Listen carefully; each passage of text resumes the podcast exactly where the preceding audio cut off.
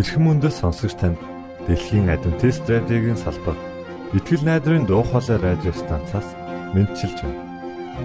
Сонсогч танд хүргэх маань нэвтрүүлэг өдөр бүр Улаанбаатарын цагаар 19 цаг 30 минутаас 20 цагийн хооронд 17730 кГц зөвлөлтөөр 16 метрийн долгионоор цацагдж байна. Энэхүү нэвтрүүлгээр танд энэ дэлхий дээр хэрхэн аз жаргалтай амьдрах талаар зарчим болон мэдлэгийг танилцуулахдаа бид таатай байх болноо. Таныг амарч байх үед аль эсвэл ажиллаа хийж байх зур би тантай хамт байх болноо.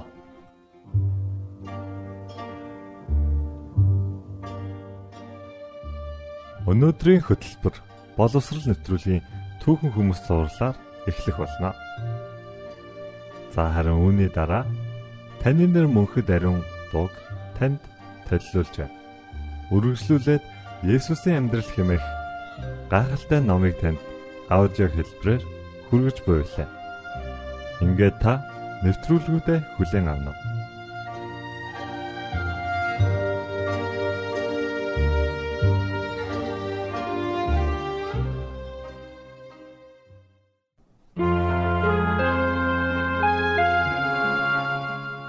去还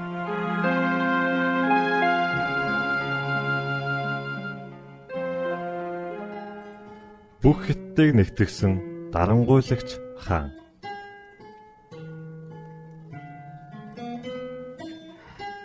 Ши Хуанди бол Жуаншан захирагчийн хүү байв. Тухайн цаг үед хятад өөр хоорондоо тасралтгүй дайцсан олон жилиг олон жижиг улсуудад задарсан байсан бөгөөд тэдгээрээс баруун нутгийн чин ус хамгийн хүчрхгэн байсан. Шихвандыг гэр бүлийнх нь Жэнгс нэрлдэг ажээ. Тэрээр Манерны өмнөх 246 онд 13 наснда хаан ширээн суусан боловч 238 оноос улсынхаа засгийн эрхийг дангаараа удирдах болсон юм.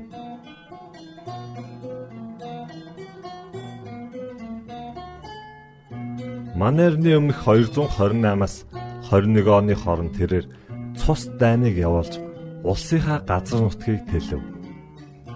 Мөн өнгөрсөн үеэс бүр мөсөн салахын тулд тэрээр Ши Хуан Ди буюу Европоор Цезар гэсэн үгтэй утга нэг нэрээр өөрийгөө өргөмжлөлөө.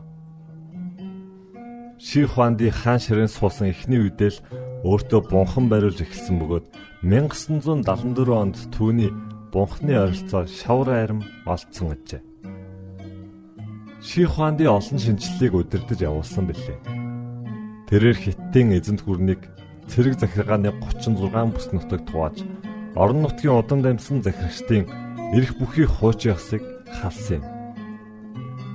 Үүний улмаас нэг мужийн захирагч хэдэн жилийн дараа өөр мужийн захирагч болон шилждэг байсан нь захирагчдыг тухайн газартаа хүчрхэгжин бэхжихээс сэргийлдэг байна.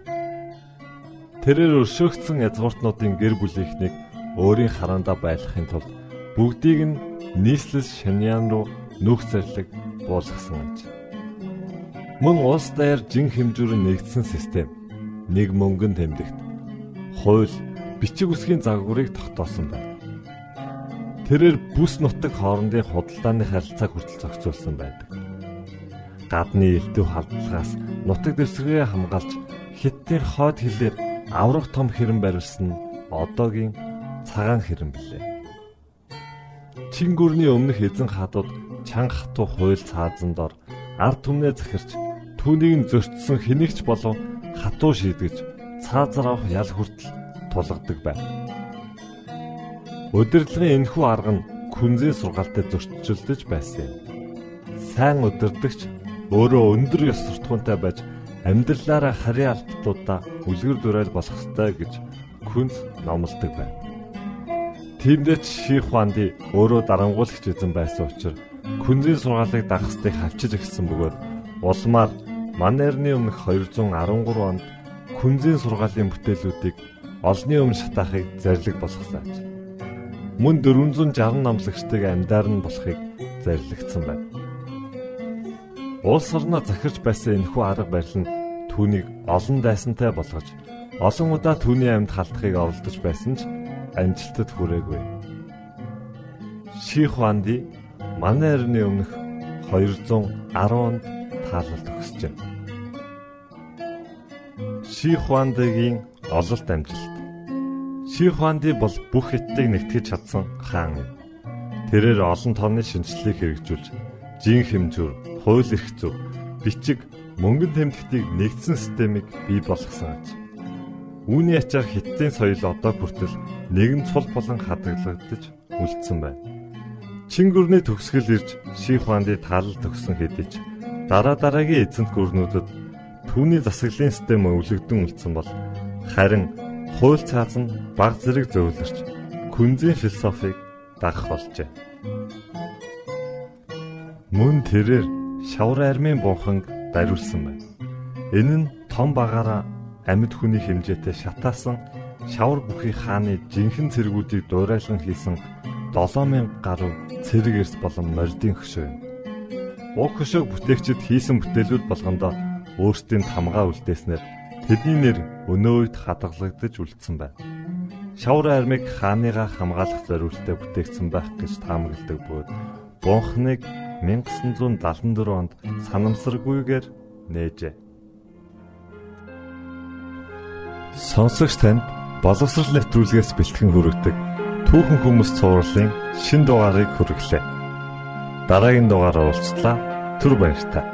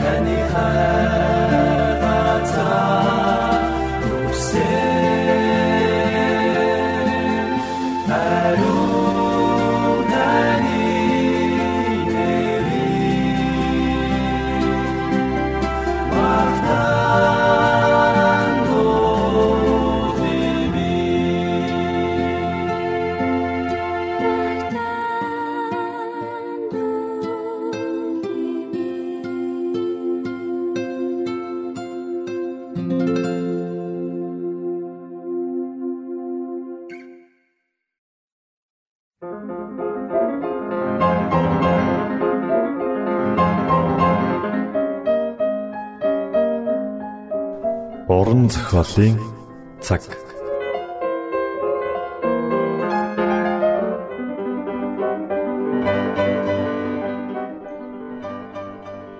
Йосеф Мари хоёр хүү Есүсээ хууль заасан ёсоор тахилчид авчирлаа.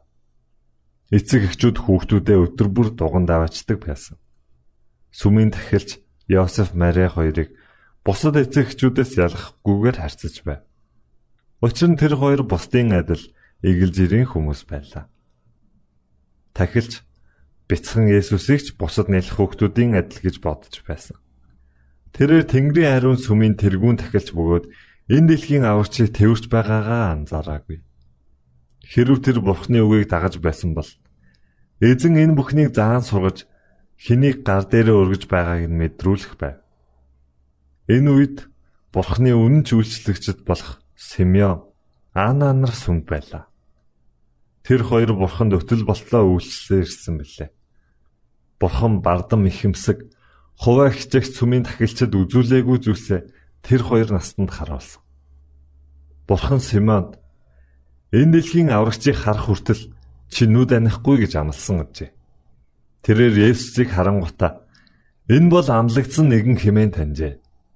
Диважингийн зөөлөн гэрэл Есүсийн царайг гэрэлтүүлж байлаа. Симон хүүг тэрэн бурхан талархал өргөв. Тэрээр Эзэн та өөрийн үгийн дагуу боол намаагаа амар тайван явуулдах бай. Учир нь миний нүд таны авралыг харлаа. Та үүнийг бүх ард түмний өмнө бэлдсэн билээ. Энэ нь харь өмсдөнд илчлэлийн гэрэл таны ард түмэн болох Израилийн алдар нь болоо гэж хэлв. Анна бол иш үзүүлэгч эмэгтэй. Энэ мөчөд Анна хурж ирээд Бурхан талархал өргөн Иерусалимын золилтыг хүлээж байсан бүхэнд түүний тухай үргэлжлүүлэн ирэв. Бурхан даруй төлөв хүмүүсийг өөрийн гэрч болгон сонгодог. Бурхан энэ дэлхийн хувьд агуу тооцогддог бүхнийг үл ойшоодог гэж. Учир нь тэд Бурханыг үл хүндэтгэн түүний үйлчлэлийн талаар боддгүй ягаад зөвхөн өөрсдийнхөө төлөө л үйлчилж өөрсдийгөө өргөмжилдэг. Иймээс бурхан тэднийг өөрийн хайр өршөөлийн талаар бусдад хэлүүлэхээр сонгох боломжгүй болсон. Есүсийн эх Мария Симоны иш үзүүлэн зөгнснийг тунгаамдсаар байв. Мария бяцхан хүүгээ хараад Бэтлехемийн хончтын хэлсэн үгсийг санан баяр хөөр итгэл найдвараар дүүрсэн. Симеоны хэлсэн үгс иш үзүүлэгч Исаягийн зөгнөлийг Мариад сануулжээ. Эдгээр зөгнөлийн гайхалтай үгс Есүсийг зөгнөснийг ойлгов. Учир нь бидний төлөө хүүхэд төрж бидэнд хүү өгөгдөнө. Засаглал түүний мөрөн дээр байх болно. Түүний нэрийг гайхамшигт зөвлөгч хүчит бурхан мөнхийн эцэг инхийн жонон гэж дуудана.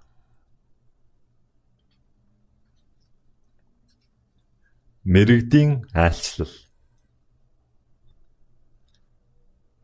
Бурхан Христ энэ дэлхийд ирэх болно гэдгийг мэдүүлэхийг хүсэж байсан. Сүмийн тахилчид аврагчийн талаар хүмүүс заах ёстой байтал өөртөө энэ талаар мэдэхгүй байжээ. Тиймээс Бурхан Тэнгэр элч нараа хончтод илгээж Христ мэндэлсэн мэдээг болон түүний хаанаас олж болохыг хэлж өгчээ. Есүсийн аав ээж нь хүүгээ сүмд аваачхад зарим хүмүүс Есүсийг аврагчаа хэмээн хүлээн авсан билээ. Бурхан Симеон болон Аннаг амлагдсан аврагч Месиа бол Есүс болохыг баяр хөөртэйгээр хуваалцаасаа хэмээн урт наслуулсан. Бурхан энэ дэлхийд Христ ирснийг еврейчүүд болон бусад хүмүүст мэдүүлэхийг хүссэн. Тиймээс Алс дорндод мэрэгэн хүмүүс аврагч Месиагийн талаарх иш үзүүлэлтийг судалжээ. Тэд аврагч удахгүй ирнэ гэдэгт итгэв. Гэтэл еврейчүүд эдгээр мэрэгдийг харин хүмүүс гэж үзсэн боловч мэрэгд хоромчтой шүтдэггүй хүмүүс байв. Мэрэгд бурхны хүслийг үлдэж үннийг мэдхийг хүсдэг шудраг хүмүүс байжээ. Бурхан хүний зүрх сэтгэлийг мэддэг. Тиймээс тэрээр эдгээр хүмүүст итгэж болно гэдгийг мэддэж байсан. Мэргэд хуваа хичээсэн бардам сүмийн тахилч нараас илүү тэнгэрийн гэрлийг хүлээн авах ус зүрх сэтгэлтэй байлаа. Мэргэд гүн ухаан судалдаг байв.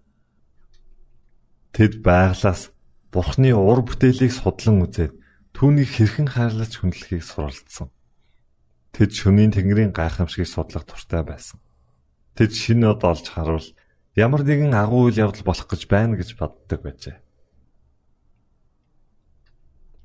Бэтлехемийн хончид Тэнгэрлэгч нар үзэгдсэн тэр шөнө мэрэгд Тэнгэр содон гэрэл гарахыг анзаарчээ.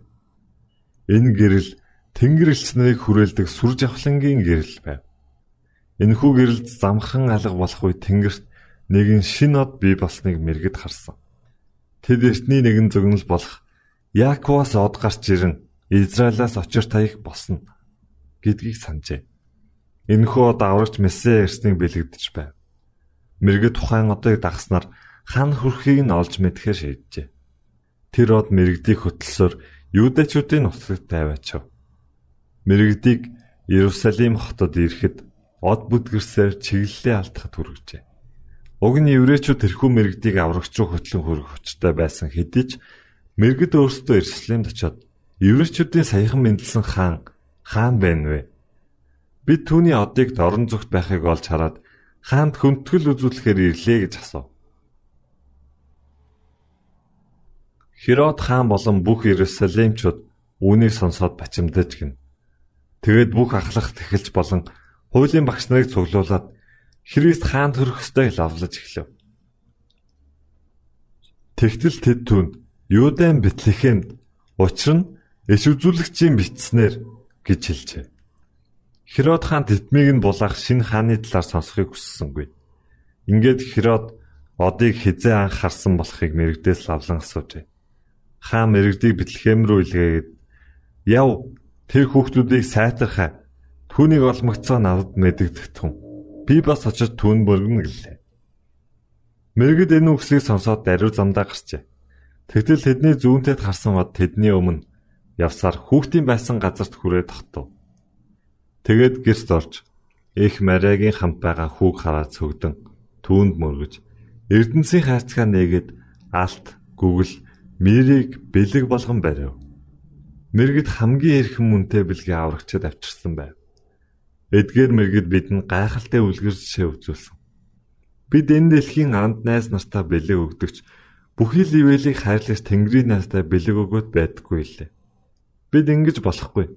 Бид Христэд шилдэг бүхнээ буюу цаг хугацаа, мөнгө, хайр инэрлээ бэлэг болгон өгөх учиртай. Херод хаан Есүст хүндэтгэл үзүүлэхийг хүсэж байна гэж худлаа хэлжээ. Угтаа бяцхан хүүг олоод устгахыг хүсэж байв. Херод хаан аврагч өсөж том болоод хаанчлыг нь булан авнахээс айж байлаа. Мэргэд Херод хааны хүснээр Есүсийн хаан байгааг мэддэхийг хүсэж байлаа. Гэтэл Тэнгэр элс нар мэрэгдийн зүүдэнд үзэгдэж өөр замаар буцахыг зөвлөжээ. Тэднийг явсны дараа эзний Тэнгэрлэгч Йосефийн зүүдэнд үзэгдэж бос хүүхдүүдийг ихтэй нь авч Египт рүү зогт. Намайг чамд хэлдүүлэхтэл тэндэ бай. Учир нь Херод хүүхдүүдийг хөнөөхөр ирж хаах гэж байна гэжээ.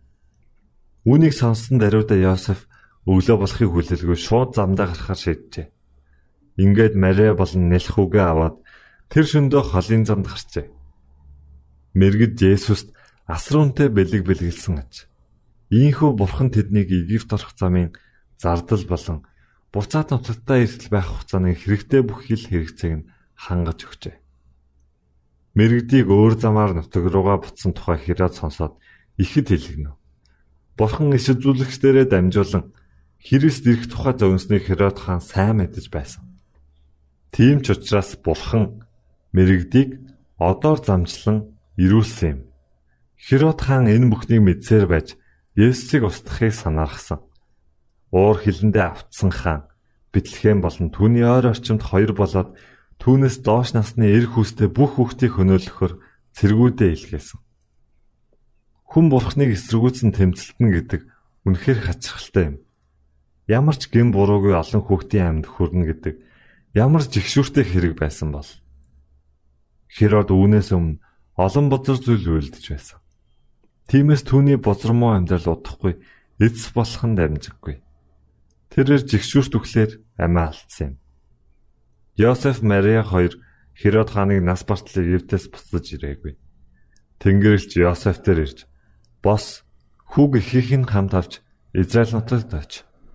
Хүүхдийн амийг хайгчад өгсөн" гэв. Йосеф Есүсийн төрсэн газар болох Бэтлехэм сууршихаар төлөвлөж байсан ч Юудэ нутаг руу ойртох үедээ Херод хааны хүү хаанчилж байгааг олж мэджээ. Үүнийг мэдсэн Йосеф өөрөө ирэхгүй айдас давтаж хаан амьдрахаа мэдэхгүй төрөв. Бурхан Йосеф туслахын тулд Тэнгэрлэгчээ илгээж юу хийх ёстойг нь зааж өгчээ. Йосеф Тэнгэрлэгчийн үгийг дагаж өмнө нь амьдарч байсан Назарта буцсан очив. Та уран зохиолын цаг навтруулыг бүлээн авч сонслоо. Дараагийн дугаараар уулзтлаа. Түр баярлалаа.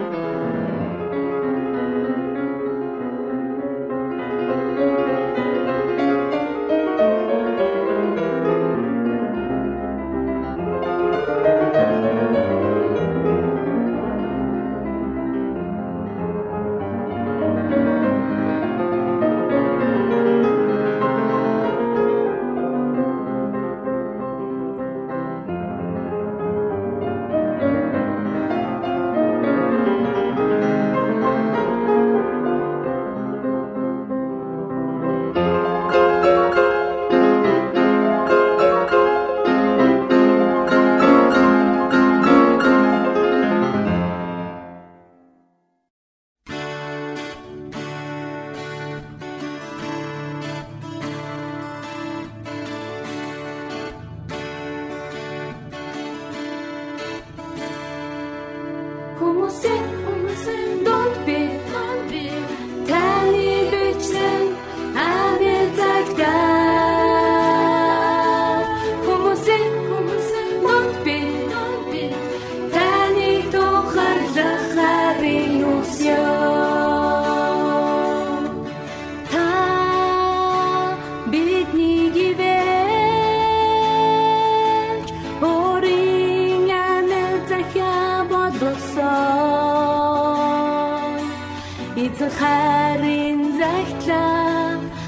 бүсэс ни сүнсэ чулуу самбарт бус бидний зүрхний самбарт битсэ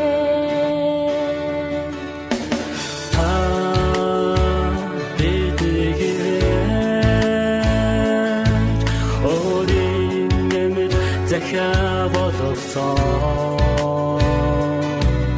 эзэн хайрын загтлаа Ceste son ser.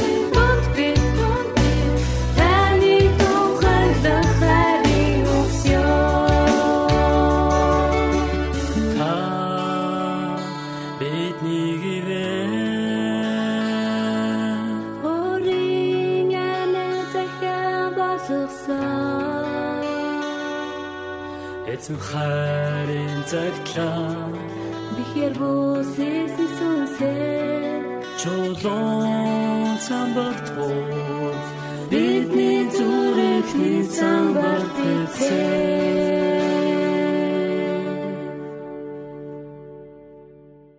Итгэл найдрын дуу хоолой радио станцаас бэлтгэн хөрөгдөг нэвтрүүлгээ танд хүргэлээ. Хэрв та энэ өдрийн нэвтрүүлгийг сонсож амжаагүй аль эсвэл дахин сонсохыг хүсвэл бидэнтэй дараах хаягаар холбогдорой.